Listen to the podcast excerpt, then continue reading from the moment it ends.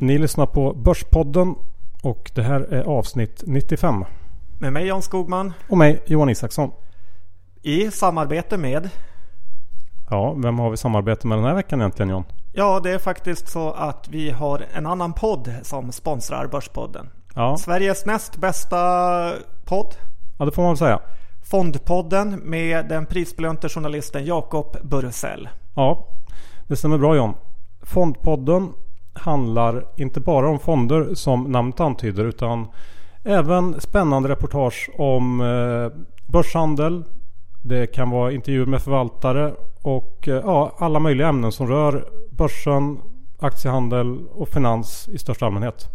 Ja, och eh, det här är ju något man bör lyssna på. Senaste avsnittet handlar om Bitcoin och eh, det är faktiskt väldigt intressant. Ja.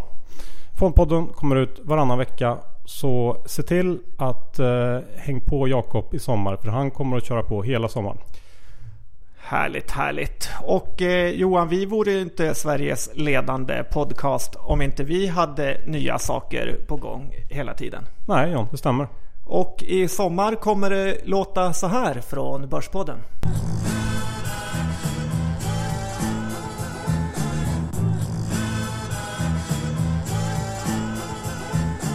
Det där var nämligen signaturen för årets eh, sommarpoddar Johan.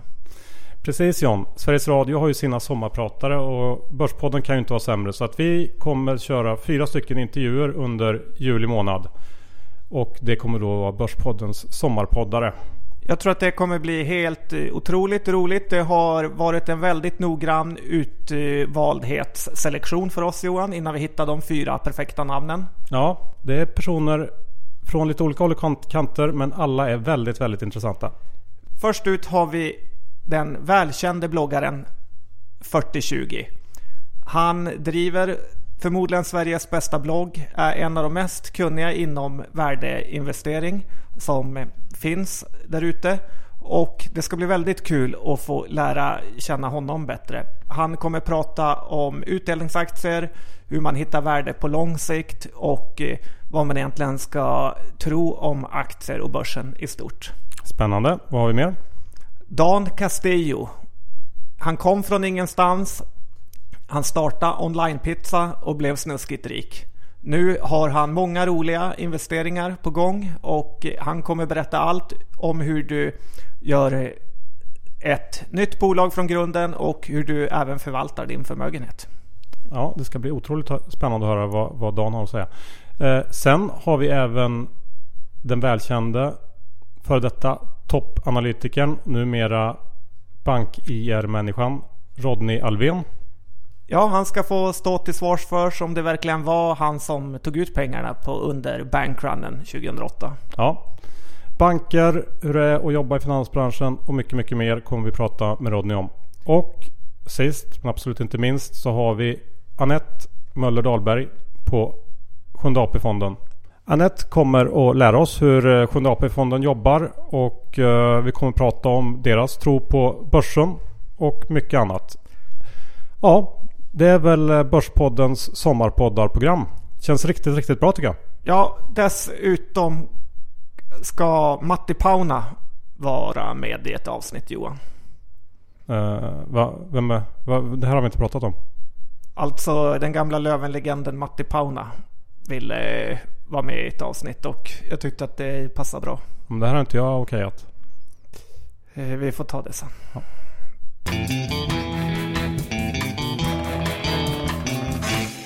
Dr. Bass Isaksson 1574 Index är svajigt och för första gången börjar man få lite panikkänsla på överbörsen. Ja, det stämmer John. Nu börjar man ju känna att uh, marknaden börjar bli orolig på riktigt och att det finns en hel del osäkerhet där ute.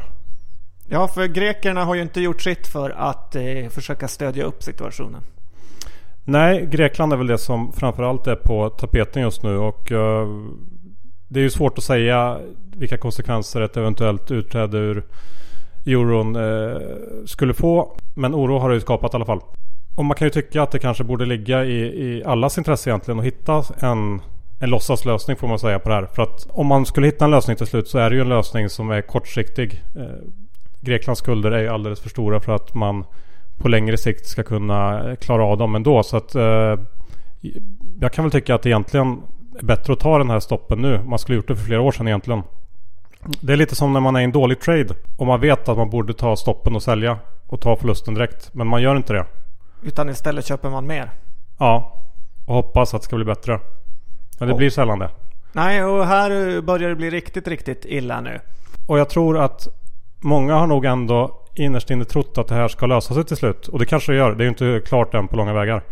Men samtidigt så måste man ju säga att grekerna har målat in sig i ett hörn nu.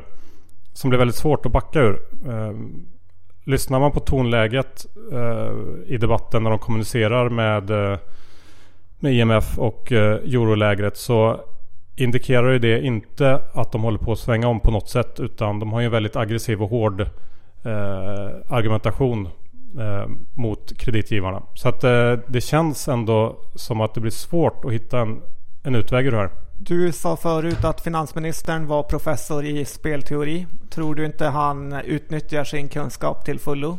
Ja, jag har läst några, några artiklar om det här att det skulle vara så. Eh, Jag vet inte. Det är ju svårt att, att spekulera i. Men ehm, det är spännande i alla fall. Även om det är lite tröttsamt kanske att få nya flashar om Grekland hela tiden. Hela dagarna. Ja, och sen har vi ju MERS som härjar runt i Sydkorea. Ja, Det lilla viruset. Och eh, även räntorna ska man ju inte glömma bort. För de sätter ju verkligen skräck i börsen. Vi ser eh, riktiga rusningar i räntorna var och varannan dag.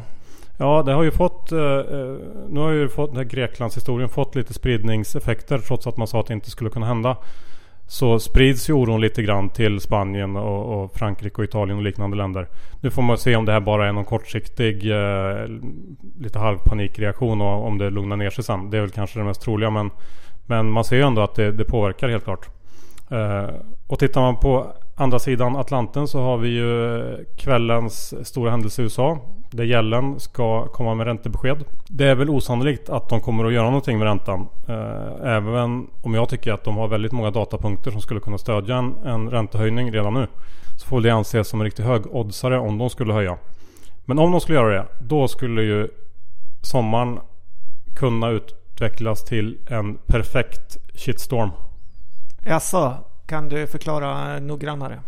Nej men vi kommer ju tillbaks till det här tröttsamma argumentet att eh, räntan är noll så man måste köpa aktier. Det är ju, det är ju liksom grunden till eh, börsfåsen nu. Och eh, går vi tillbaks och tittar på hur det har sett ut egentligen de sista 20-30 åren så har ju marknaden egentligen fungerat på samma sätt. Det börjar ju med Greenspan och green, the Greenspan put som man sa. Alltså tanken att eh, Greenspan var ute och stödköpte på marknaden och vill man sälja så skulle man alltid kunna sälja till honom. Man, man räknar med att de skulle finnas där. Och vi vet ju vad som hände då. Då fick vi ju eh, IT-kraschen år 2000-2001. Som i princip halverade eh, alla aktiekurser världen runt. Eh, så att där kunde ju börsen gå ner trots att vi hade de här centralbankerna som försökte stöta, stödja börsen och kapitalmarknaden. Och sen kom Ben in. Precis. Sen kom Ben Bernanke och eh, Helikopter-Ben. Och då hade vi The Bernanke Put. Och vi vet ju hur det slutade med finanskrisen 2008. Samma sak där. Och jag tror att nu har vi ju då eh, kanske man kan säga Draghi Put och eh, Yellen Put. Och Ingves putt. Ja det också. Och jag gissar att vi kommer att sluta på precis samma sätt eh, den här gången. Dr. Eh, Bass har talat och där kommer vi också tillbaks till det här argumentet och varför jag tycker att det är så urbota dumt att bara argumentera för att man ska köpa aktier för att räntan är låg. Det i sin tur betyder ju att man säger att man köper aktier för att man tror inte att centralbankerna kommer att låta ens pengar gå förlorade på aktiemarknaden. Men historien har ju visat om och om igen att det är precis det som händer. Så att jag, jag, jag tycker att vi lägger ner det där argumentet nu. Ja, förlora pengar på aktiemarknaden är nog en av de allra lättaste sakerna faktiskt. Ja, Sen har vi ett gäng med nyintroduktioner Johan. ja det har vi. Och de har ju sista tiden gått väldigt dåligt. Ja, nu har ju verkligen den här eh, teckna notering, ja, noteringstraden om man säger så. Teckna sälj. Teckna sälj, vad man nu vill kalla det. Den eh, traden är dödförklarad. Vi gillar ju Nilan-gruppen och eh, det visar sig vara en ganska dålig trade. Den har väl backat 5% kanske. Ja. Nordax gick in på börsen idag.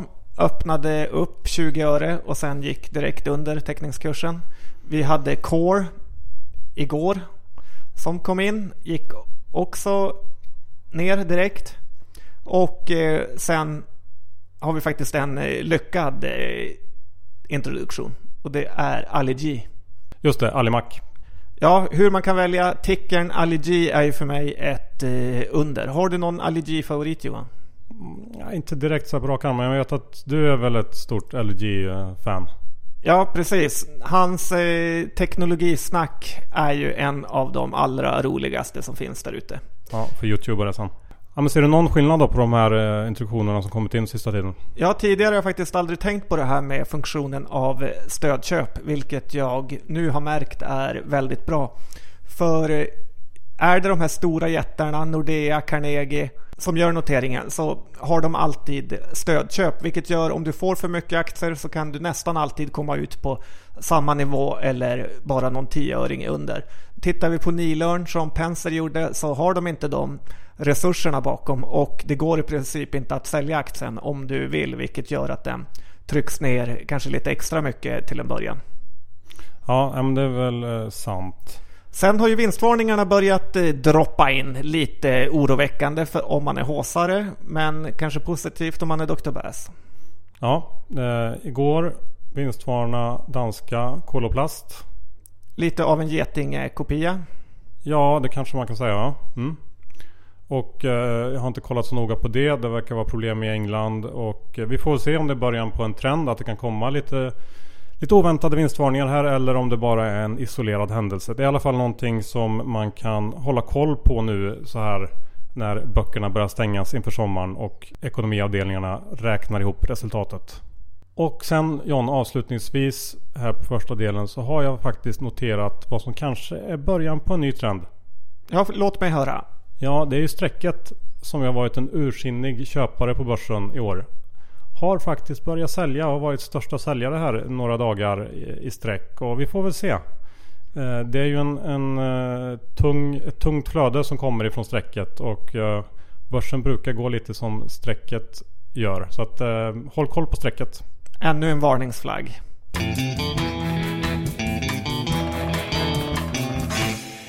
Det är ju ändå sommar på intåg. Och vi ska inte bli för pessimistiska här. Vi ska inte låta Dr. Bass ta över hela podden. Så att jag tänkte John att du ska få lista några, några härliga sommaraktier som man kan ha i sin sommarportfölj. Ja, men det är inte mer än rätt. Och det finns ju några intressanta bolag där som verkligen är sommarbolag. Det ena är finska Rappala. Ni som gillar att fiska vet att de flesta dragen man köper kommer från finska bolaget Rappala. Ja. Så här har vi ett bolag som ger 3,7% i direktavkastning och är ganska lågt värderat p-talsmässigt. Kanske Just. lite hög nettoskuld men ändå ett bolag. Människor gillade att fiska vid Nilen innan det fanns Sverige. Ja, du vill komma till att man alltid kommer att fiska helt enkelt. Och man kommer alltid kasta bort en massa drag. Alltså, Så här har du ett eh, intressant bolag. Hur ser det ut om man jämför med det betydligt större Abu Garcia då? Ja, Abu Garcia ägs av Jarden Corporation, amerikaner såklart. Och det här är ju ett megabolag som är i amerikansk anda väldigt högt värderat. Ja, vi går vidare. Glass vill du ha Johan? Ja. Vilka äger GB Glass? Vet du det? Det är väl eh, Unilever om jag inte minns fel. Du minns helt rätt. Och eh, här du, eh, får du ett av världens största bolag till en direktavkastning om 3% Och det här kan vara något att ha i din utdelningsportfölj för lång tid framöver. Ja, det låter bra. Men man är ute och bilar en hel del på semestern också. Har du någonting som kan passa in då? Ja, det tycker jag att jag har. För NCC förstör ju hela din bilsemester genom att bygga lite här och var. De tjänar ju nästan alla sina pengar på sommarhalvåret och eh, du får NCC till en 5% direktavkastning och relativt lågt p-tal om man jämför med dagens börs. Vi vet ju att de bygger mycket bostäder med, men eh, en stor del av intjäningen kommer faktiskt från vägverksamheten. Mm, jag tänkte på det här med vägar. Det är lätt att gå bort sig också. Man ska akta sig för eh, Giveco som ju är en notorisk förlustmaskin. Ja, den ska man verkligen akta sig för. Som vi håller på med vägmarkeringsprodukter och, och liknande. Så att eh, sommar är inte bara tjo Nej. Nej, och sen har vi mycket reor på husvagnar och där ligger ju Kabel lite risigt till med sin halv miljard i varulager. Mm. Och de här husbilarna verkar ju hålla hur länge som helst när man ser dem på vägarna för de är mesta gjorda på 70-talet. Ja men om man ändå vill ha exponering mot den här husbils historien då och inte vill ha kabel? Finns det något bättre? Ja men då skulle jag satsa på Tour Industries som Didner och Gerges eh, mikrofond gör. För den verkar leverera i ur och skur. Ja, vad har vi mer? Vi har vikariemarknaden. Den är ganska stor på sommaren och främst inom sjukvården då alla sjuksköterskor och läkare ska vara lediga. Och då har vi NGS och Dedicare som rekryterar massor med sommarpersonal. Mm. Även Uniflex är en liten eh, turnaround-kandidat som anställer sina industriarbetare på sommaren. En liten bubblare. Mer? Thule är en liten favorit jag har. Takboxarna ska på sommaren. De ska på vintern också men framförallt har ju Thule blivit ett lite av ett Phoenix Outdoor-bolag med cykelväskor och eh, övrig outdoor eh, utrustning. Så att eh, det här är inte bara gamla takboxar utan jag tycker det här är ett kul bolag och man ska kika mer på det. Mm. Dessutom vet vi alla att vi snickrar på sommaren. Det är sommarstugor och det är bygga altaner och eh, andra saker. Och då har vi Byggmax som är favoriten i sektorn där. Det är lite som Skistar fast eh, tvärtom. Ja, så kan man väl säga kanske då ska vi kanske gå in på några bolag man ska undvika då när du ändå var inne på Skistar. För Skistar kanske är ett sånt eller? Ja, de försöker ju få folk att eh, cykla mountainbike i fjällen. Men det är ju en miljarddel jämfört med vad som åker skidor på vintern. Ja. Så där ska man passa sig. Sen har vi spelbolagen som är rätt kalla på sommaren också. Just det, och i år har vi inget stort evenemang heller på sommaren. Nej, det är inget VM, OS eller EM om man inte räknar tjej-VM, men det är ju snart slut redan. Och eh, pokerhajarna och kasinotorskarna gör annat än att sitta och spela Jack Vegas på nätet under sommaren i alla fall. Ja. Och IT-konsulterna, där görs det inte många knop under sommaren utan de ska ha långledigt. Ja, så är det. Så där har vi tre bolag, man, tre sektorer man kan akta sig för. Ja men tack för det John. Då tänkte jag att vi skulle ta upp någonting helt annat. Det är den mäklarfight som har blossat upp i Sverige sista veckan. Ja, Nordnet gick ut med någon kamikaze-attack på sig själva. Ja, sänkte courtaget och uh, Avanza var snabbt, snabba att hänga på. Dessutom så kontrade De Giro, den holländska va, uppstickarnätmäklaren som precis gått in i Sverige. Dessutom lanserar de en eh, ISK som har varit ett stort problem för dem innan att de inte haft. Jag tycker det känns som att eh, den här Robin Hood-appen vi snackade om för kanske ett år sedan i podden. Det börjar bli verklighet här i Sverige snart. Det kostar ju snart i princip ingenting att handla aktier. Nej, vad ska de tjäna pengar på? Ja, de nätmäklarna kommer ju att försöka tjäna pengar på, på mer kringtjänster. Belåning, olika typer av extra tjänster som man får betala för. Och, mm, ja, det är ju en, en trevlig utveckling för alla oss eh, aktieintresserade. Eh, kanske inte så kul för de som äger Avanza och Nordnet. Jag är, jag är inte helt säker på att det här är, är bra för dem. Nej, det är ju en liten heads-up mellan Kviberg och Hagströmer. När Kviberg är kort Hagströmers största innehav. Ja, det är lite spännande. Sen måste vi säga någonting om Fingerprint John. Ja, Fingerprint får jag en känsla när jag tittar på den som att jag tittar in i en fågelsvärm. Det handlas något kolossalt med aktier och aktien är inte lätt att eh, förstå sig på. Det är nä nästan i likhet med roulette eller kasino på fem minuters sikt. Ja, jag har inte heller haft någon jätteframgång i den. Um, även om jag faktiskt kortat hem lite pengar i den idag. Jag är faktiskt kort just nu också så att det får jag ju flagga för. Men jag tänkte också vi kunde prata lite om Ola där som ju gjorde sin exit uh, förra veckan va? Från Fingerprint. Ja, han gjorde en fantastisk trade även om den under vissa perioder såg lite brun ut. Han är inte bara världsklass VD utan även topptrader. Och köpare var ju Johan Karlström. Ja, han sitter ju lite i klistret redan men köpa några dagar innan prognoshöjning var han inte orolig för. Nej, man borde ju anat det kanske att uh, han hade sparat eller visste om någonting som var lite snaskigt som skulle komma. Uh, ja, spännande att följa Fingerprint-resan kommer det vara oavsett vad som händer. Sen John, har ju du lurat in mig i en liten chansning kan man säga. Ja, du får nog säga stor chansning. Ja, Men extremt stor. Jag, eh, när jag pluggade en utbytestermin i Kanada så sa en lärare där att om du jobbar på bank, låna aldrig ut pengar till en restaurang. Om den inte har gått i konkurs tre gånger. För då kommer det in så billigt så att det kan bära sig. Och lite den här känslan har jag nu.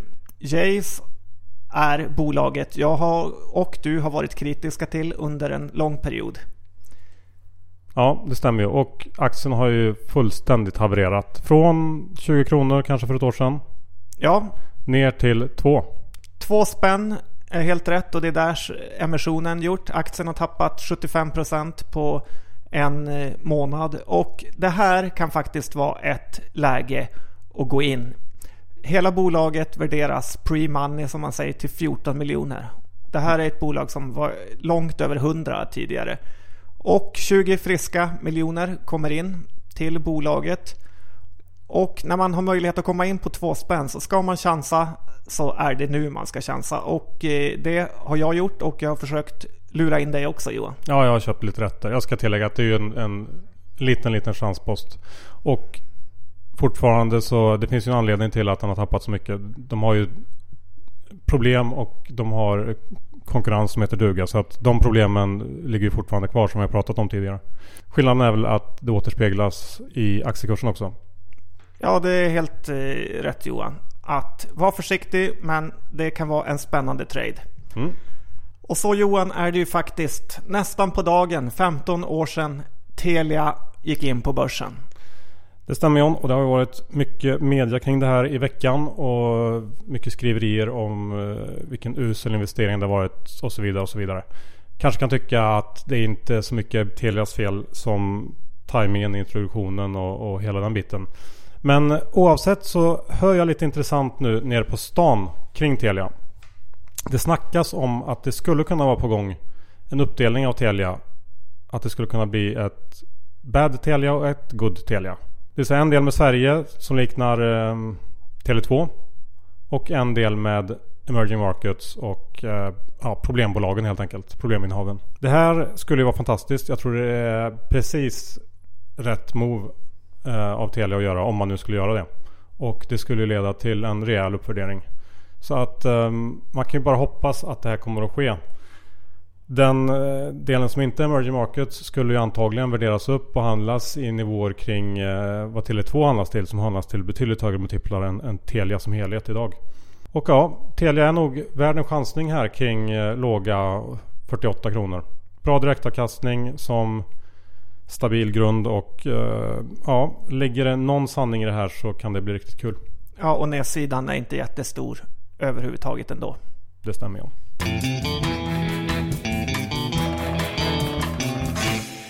Så John, 95 avsnitt avklarade. Det närmar sig 100 med stormsteg. Helt rätt Johan. Och eh, sen kanske det närmar sig 200. Vem vet? Ja, precis. Du, vi ska ju såklart tacka vår sponsor Fondpodden. Gå in och lyssna på Fondpoddens utmärkta reportage om börsen, fonder, börshandel och allt som kretsar kring det här. Väldigt intressant och välgjort av Jakob Bursell. Och John, vi ska inte glömma vår disclaimer. Jag kan börja. Jag har as we speak en blankning i Fingerprint. Och jag har ju då som jag sa köpt lite teckningsrätter i Jace. Hur ser det ut för dig? Inga Telia? Nej, inga Telia. Jag har teckningsrätter i Jace. Jag har lite Skistar för att få rabatten. Trots att det var en kass sommaraktie. Ja, det är så jag jobbar. Ja. Jag ska åka mountainbike där i, vinter, i sommar. Marknaden är inte alltid rationell. Eh, mer? Och sen har jag även lite Thule. Se där ja, lite Thule också. Perfekt. Det var det vi hade den här veckan. Tack så mycket för att ni lyssnade och ha det så bra så hörs vi nästa onsdag igen. Tack och hej. Hej!